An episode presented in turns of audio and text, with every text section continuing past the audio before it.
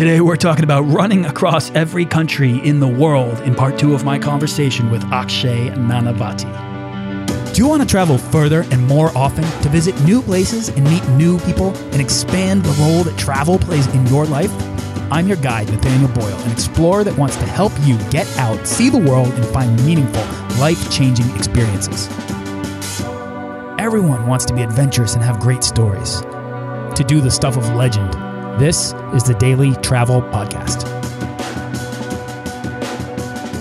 Okay, explorers, here's the thing podcasts really need your input, particularly your reviews. And if you could leave me a review on iTunes, I would love you for it. I'll even try to feature your review right here on the show. So feel free to ask any travel question or leave your best travel tip, and I will do my best to get it featured on an episode of the Daily Travel Podcast. In yesterday's session, I sat down with Akshay Nanavati, a former U.S. Marine turned adventurer, to discuss his personal background, addiction, being at war, PTSD, and how travel provided an outlet for recovery and finding a purpose in his life. If you're interested in hearing more about veteran issues, and Akshay's perspective on the healing power of travel. Well, have a listen to part one if you haven't already, or sit back and enjoy part two of my conversation with Akshay Nanavati. Akshay, I gotta I gotta ask you. So, like, uh, you're on a, a, lifelong quest to traverse every country in the world on foot while raising a million dollars for uh, a nonprofit foundation that you're about to launch called Fearvana. And I want to get into exactly that. How, where does this idea of walking uh, or running across every country come from? So, uh, as I mentioned, you know, I've just kind of been bit by the travel bug for a little while. And when I got back home, then uh, I had a corporate job for a bit. I mean, after I got out of the Marines, went to master's program, had a corporate job for a bit, and uh, did not like that at all. Started my own business, and then got in the grind of that. So I realized that, uh, you know, finally kind of hit me that I was missing out on something, an element of me that I that I truly treasure and value, which is that elements of me of the traveling, of the outdoor adventure, of exploring, about pushing my own body and mind uh, and spirit to its limits. So that's where I kind of came up with this idea to do something that's never been done before and to really see the entire world, to see all the cultures in the world, to experience all of humanity, and to at the same time push my own body and mind to its limits. So instead of just sort of visiting every country, why not run through it? Because then I get to see every bit of it. And I also noticed this as I started running more because even in my own neighborhood, I'll suddenly notice a river that I never noticed before, no matter how long I lived there, because I'm now running through it as opposed to driving through this area, right? So on foot, it allows me to see the world in a different way, and it allows me to see myself in a different way, and uh, and as well as the humanity around me. And I'll give you a little story about this. You know, I just came back from running 55 miles across Luxembourg, and uh, so it was a decent run. I was pretty exhausted by the end of it, and uh, and and I met this I met this gentleman uh, in Luxembourg who, who kind of stopped on the side of the road. I was I ended up stopping to put a, a little band around my knee. I was struggling with some IT band pain, and so I stopped. And he could see I was you know hurting, obviously, and he couldn't speak much English. So in this broken communication, we managed he managed uh, we managed to communicate. I told him what I was doing, and he offered me he welcomed me in his home and offered me a glass of water because he could see I was tired. And I told him that you know I know I have water in my CamelBak, but thank you so much. And we got talking for a minute. And after he left, he gave me a big hug. And that was so beautiful. this in this simple moment. And I was really kind of, you know, in, in like a long run, you hit low points and high points. And I had just sort of hit a low point because my IT band was hurting and I was stopping to put this wrap around my knee. And uh, that just gave me this burst of energy because I got to see how amazing that humanity is. And had I not been tired, or I might not even crossed that area. So not only was this humanity beautiful, like the whole terrain around me, this Luxembourg was just absolutely gorgeous. So by running across every country, I get to experience it in a different way, and I get to experience humanity in a different way. I mean, I'll give you another example. There's so many in Barbados. When I finished, I had a full body heat cramps and heat exhaustion horribly, horribly painful, as you can imagine. and uh, I just I finished the run, and the lady picked me up from the the run. I can't imagine, by the way. it was pretty bad. It was pretty painful. I'll tell you that. So I was sitting in her car. This lady who again graciously offered me a night in her hotel at the Yellowbird Hotel in Barbados, and she just welcomed me in because she admired what I was doing, and she just you know offered me free nights, and she came to pick me up at the end of my run, and I was started cramping up in her car, just full body heat cramps, and she's like, "Why do you do this to yourself?" and she sped me, yeah. And That's I was like, at, at that point, I was like, I don't don't know that right now. I wish I wasn't like this. but she she sped me over to the, the, the stall to get coconut water, and she told the guy about what I was doing. And he came up to me and just kind of put his fists out and he said respect. And at that moment, there was this mutual connection that we had in a really deep way. I found because he admired what I was doing, but I felt like it wasn't even about what I was doing. It was about you know that guy was a guy running a coconut stall in, in, Barbados. I don't know his life story, but there's this mutual connection that we had just gone through. You know, I felt like we go through the struggle together, and you connect. Like I mean, the same thing I talk about in Marine Corps boot camp, right? When we do go through adversity together, we bond. We we create camaraderie through adversity, and it's like I go through that by doing this because again, as I said, everybody suffers, and when I suffer somehow with them in this way, there's a camaraderie that's created. There's an admiration for what I'm doing, but again, I feel like it's not even about what I'm doing; it's about this greater good, and that's what had me start this nonprofit foundation as well. So when I run across across Rwanda, for example, next year, I'm going to partner with this organization amazing organization called Create Global Healing that does work with helping genocide survivors and then ultimately not just heal through their trauma, but also, you know, create economic sustainability through entrepreneurship. So I'll not only work with them on the ground, but help them raise funds as well because I really admire what they're doing. And so through this nonprofit foundation and through the run, I not only hope to create publicity because, you know, again, nobody's ever done this before. So I thought if I do something insane, it could create publicity. And if I, you know, if you want to make a change in the world, why not do something audacious enough to get people to notice? That was kind of my thought process as well. And that's kind of the whole inspiration behind the nonprofit and doing this crazy thing. It's a, it has a self motivation, of course, and it has a sort of greater than self motivation as well. Actually, the best stories from our travels happen from the people we meet and the ways in which we help each other find our way. And you are experiencing that on foot in you know in these places that you're going to and you're setting yourself up for a, a literal world of experience um, and i think that that's an amazing way to travel and that's just my opinion on your travels that's not even my opinion on your overarching quest to do what it is that you're doing which is really exciting uh, how old are you I am 29. I'm about okay, 30 in a week. Oh, wow. Happy birthday. You'll be 30 you. by the time this airs. How far along on this quest are you?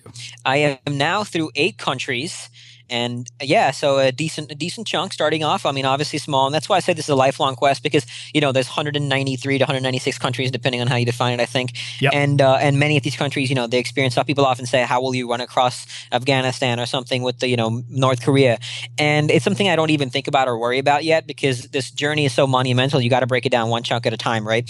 And I'm hoping by the time I start to get more publicity and see what I'm doing, that maybe there's something that people, humanity, can be inspired by, and maybe I'll run with the North Korean runner through North Korea or something, and we can show the humanity in doing this together. I mean, imagine if people from Israel, Palestine, uh, you know, are, and Lebanon are all running together in in, a, in this kind of mutual experience. You know, because I do think athletics is a great way to form camaraderie as well. Like look at the Olympics. I mean, yes, nations are competing, but there's all, but at least between the athletes, there's always a mutual admiration for the other person, no matter where they're from, because they all struggle together. They all know what it's like to train for years on end to come to this event and and suffer together. So there's always this mutual admira- admiration through athletics that I that I hope to create. And again, I don't know when I'll finish this journey or even if I will, but it doesn't really matter because to me, the journey itself is the destination.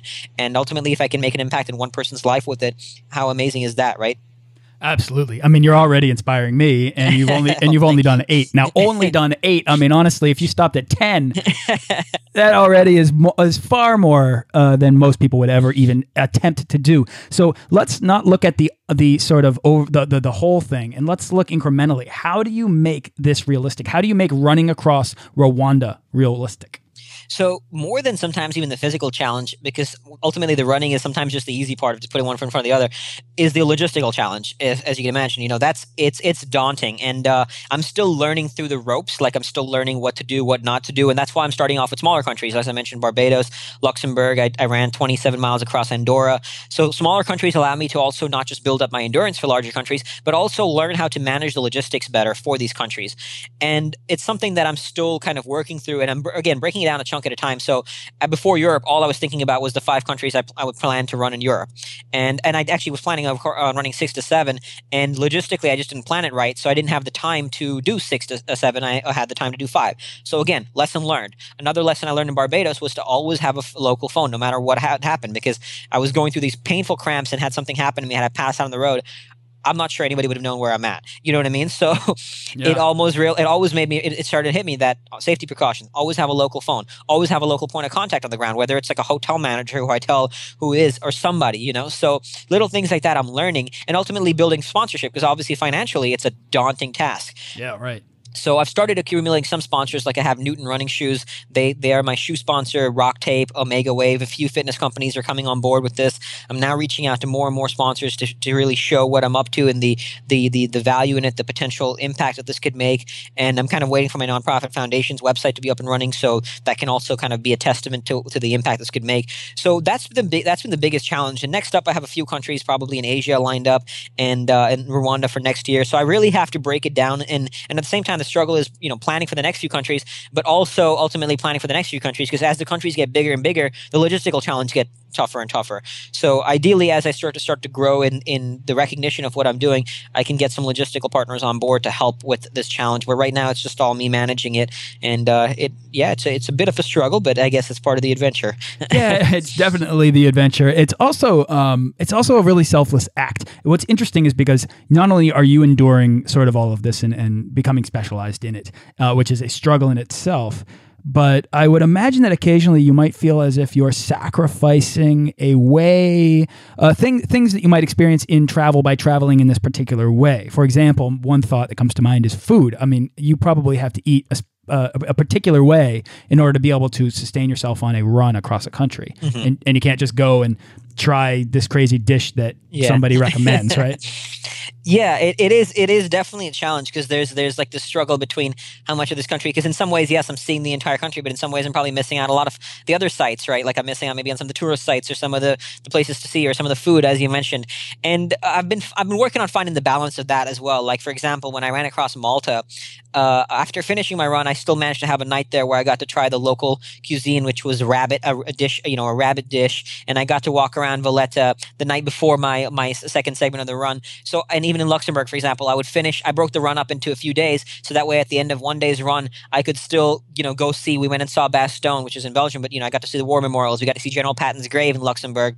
We got to see uh, this one town, um, beautiful town with castles. So in some ways it's a struggle also to do that because at the end of the day part of you just wants to go sleep right? You're exhausted. So it is it, ha- it has it has this kind of this balancing act but at the same time i don't want to miss out on seeing the beautiful elements of a country that i could miss out on and experiencing the food. So it, it yeah it has its uh, it has its pros and cons for sure. Like it definitely is not sometimes the ideal way because sometimes you're just too miserable to experience anything. You're just running and you just don't care about anything else but finishing the run, right? So you almost miss out on some of the beauty because you're just too much in your own head and too much in your own pain about it. So it that has its moments where I got to really work on finding that balance, and it's still a learning process for sure. Sleeping and eating, I would think, would be two things that would be really difficult to chart when you're when you're going across wide distances in which there there's nothing. The distance is too far for you to go from one town to the next right? So uh, have you ever had to uh, go hungry for a night? Have you ever had to forage for food? You carry everything you want and uh, have you ever had to sleep just outside in nature or on a street so other than Greenland, which was basically you dragging all your supplies for a month, you know, we dragged 32 days of food, dragged basically the gear. I think our sleds weighed about 190 pounds when we started off. Uh, but that was a very, that was a, you know, fully self-supported journey. Most of my runs are not because I'm running. So I don't, I'm not sort of dragging a sled or carrying, you know, tents or anything. I'm running with just a CamelBak and some, you know, maybe some cameras, some food and some equipment in there. But I tend to, so I generally have sort of a quote unquote support staff. Either my runs are in one day, you know, either I'm doing it completely in one day or like Luxembourg, which was not one day I had, luckily, I had my Marine, one of my Marine buddies who was in Iraq with me. He sort of came and supported me. He was my vehicle's logistical support staff. So he would pick me up at the end of the day's run, drop me off at the starting point again, pick me up at the end of the day's run, drop me off, and uh, and then we had a you know sort of a place to stay.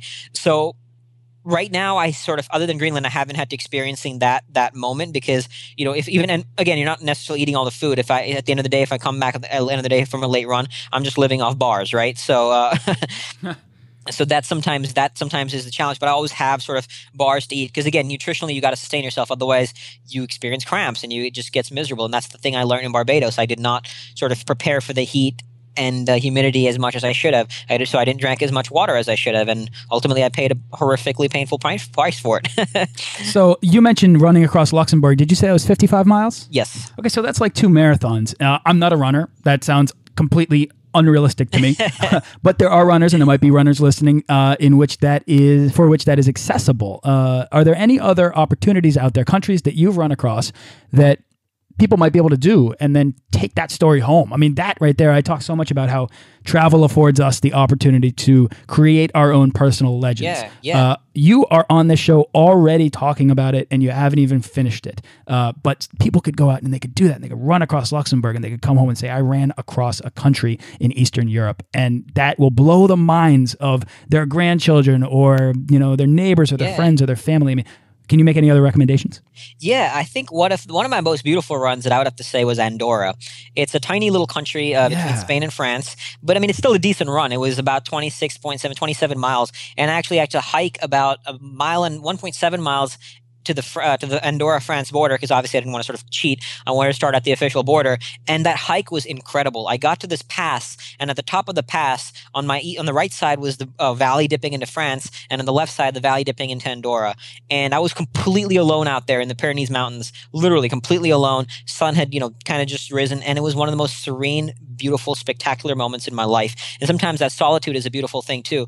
And then I continued my run down Andorra, and it was just a beautiful, beautiful, beautiful country. Passing through these tiny little villages, they had this most amazing stone architecture. I got to experience an amazing people as well. This guy who basically I was staying with an Airbnb, and he just dropped me off at the start of the run. He took, you know, he didn't have to do it. He wo- he waited for me at three o'clock in the morning. I arrived in Andorra, woke up at seven the next day to drop me off. So you know, with three hours plus of sleep, he still dropped me off an hour at the start of my run. So again, you're experiencing the beauty of humanity, the kindness of humanity, and you get to experience this tr- tremendous moment. Andorra has probably been one of my favorite runs so far. It's just, and it's something that I think people can kind of manage and do because again, it's 26.7 miles.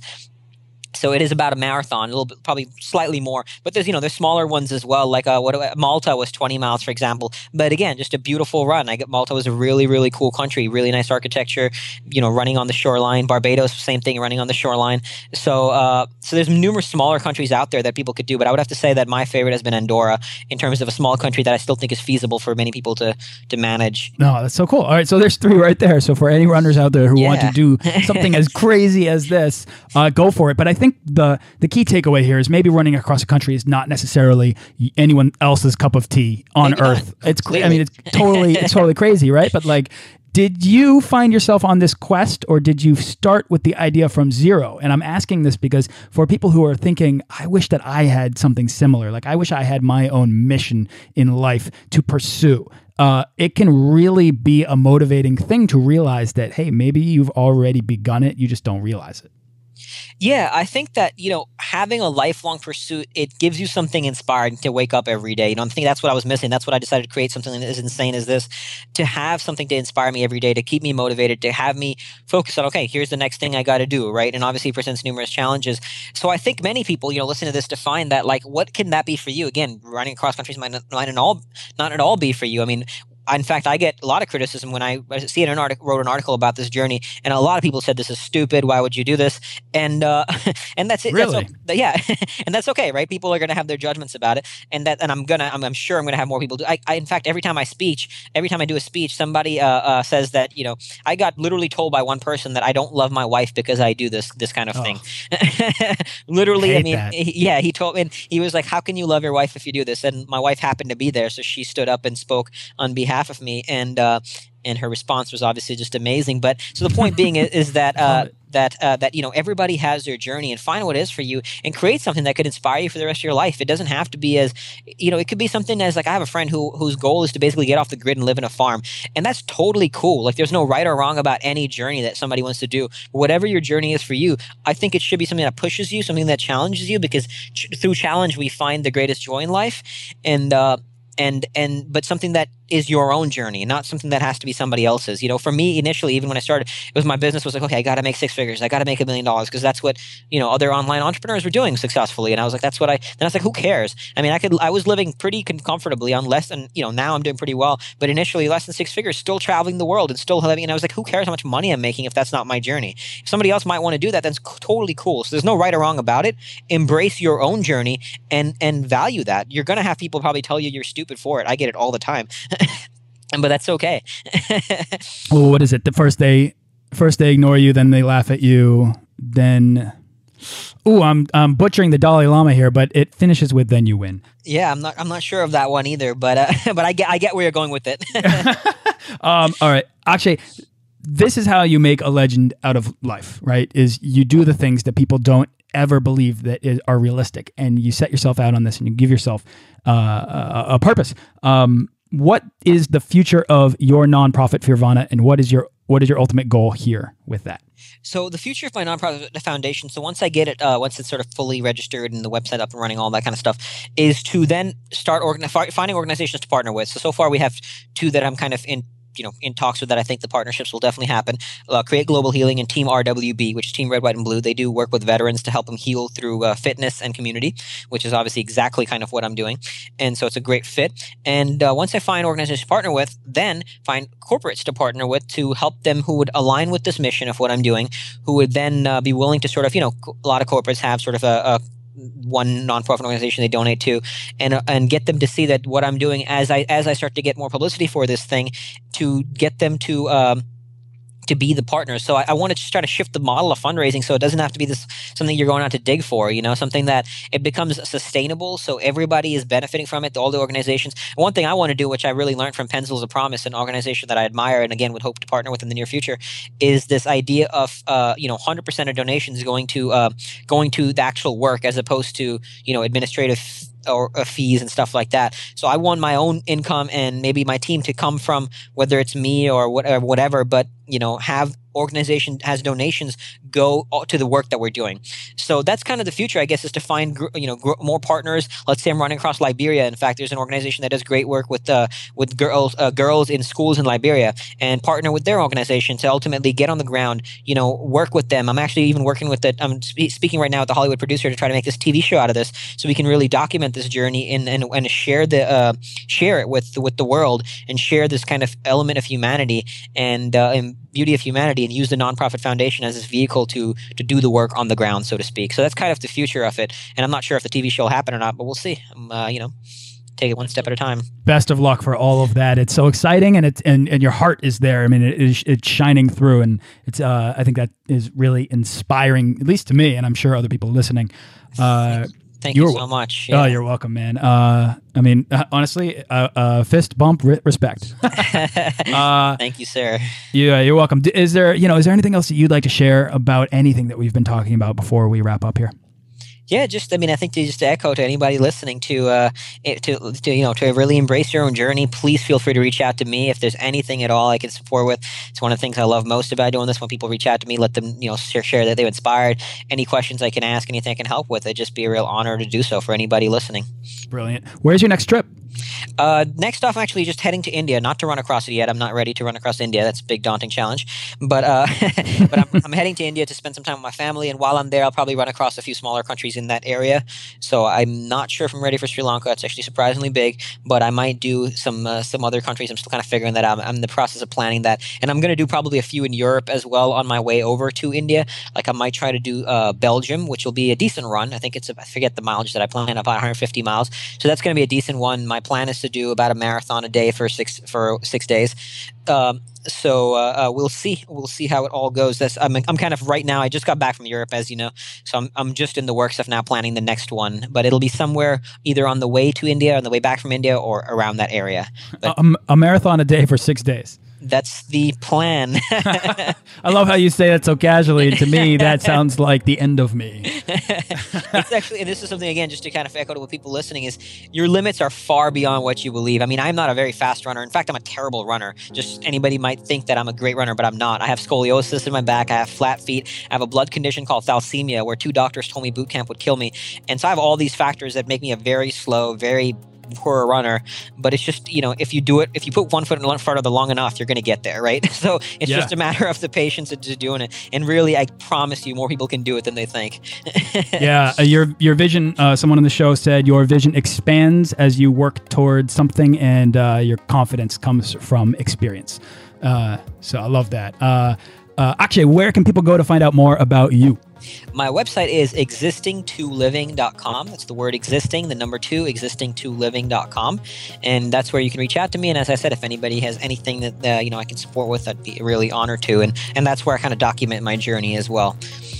Brilliant. Akshay, your message here is is not only one that's extremely important; it's one that you're delivering with eloquence. So again, uh, I, I, commend you for that. I uh, I think you're completely on the right path. I just want to validate that for you further you. If, if, you ever if you ever need it. Um, you know, and I also want to say thank you for bringing all of the issues with regards to veterans and with military service to the table and shedding some light on those really complex things that I think are really hard to understand and they're really hard to uh, to wrap your head around. And we, you allowed us to sort of step inside your mind a little bit and understand them better. So thank you for that, and thank you so much for your service. Absolutely, and thank you for saying that. And it's been my pleasure. I really enjoy this. I really appreciate you bringing me on the show again, Nathaniel. So thank you so much.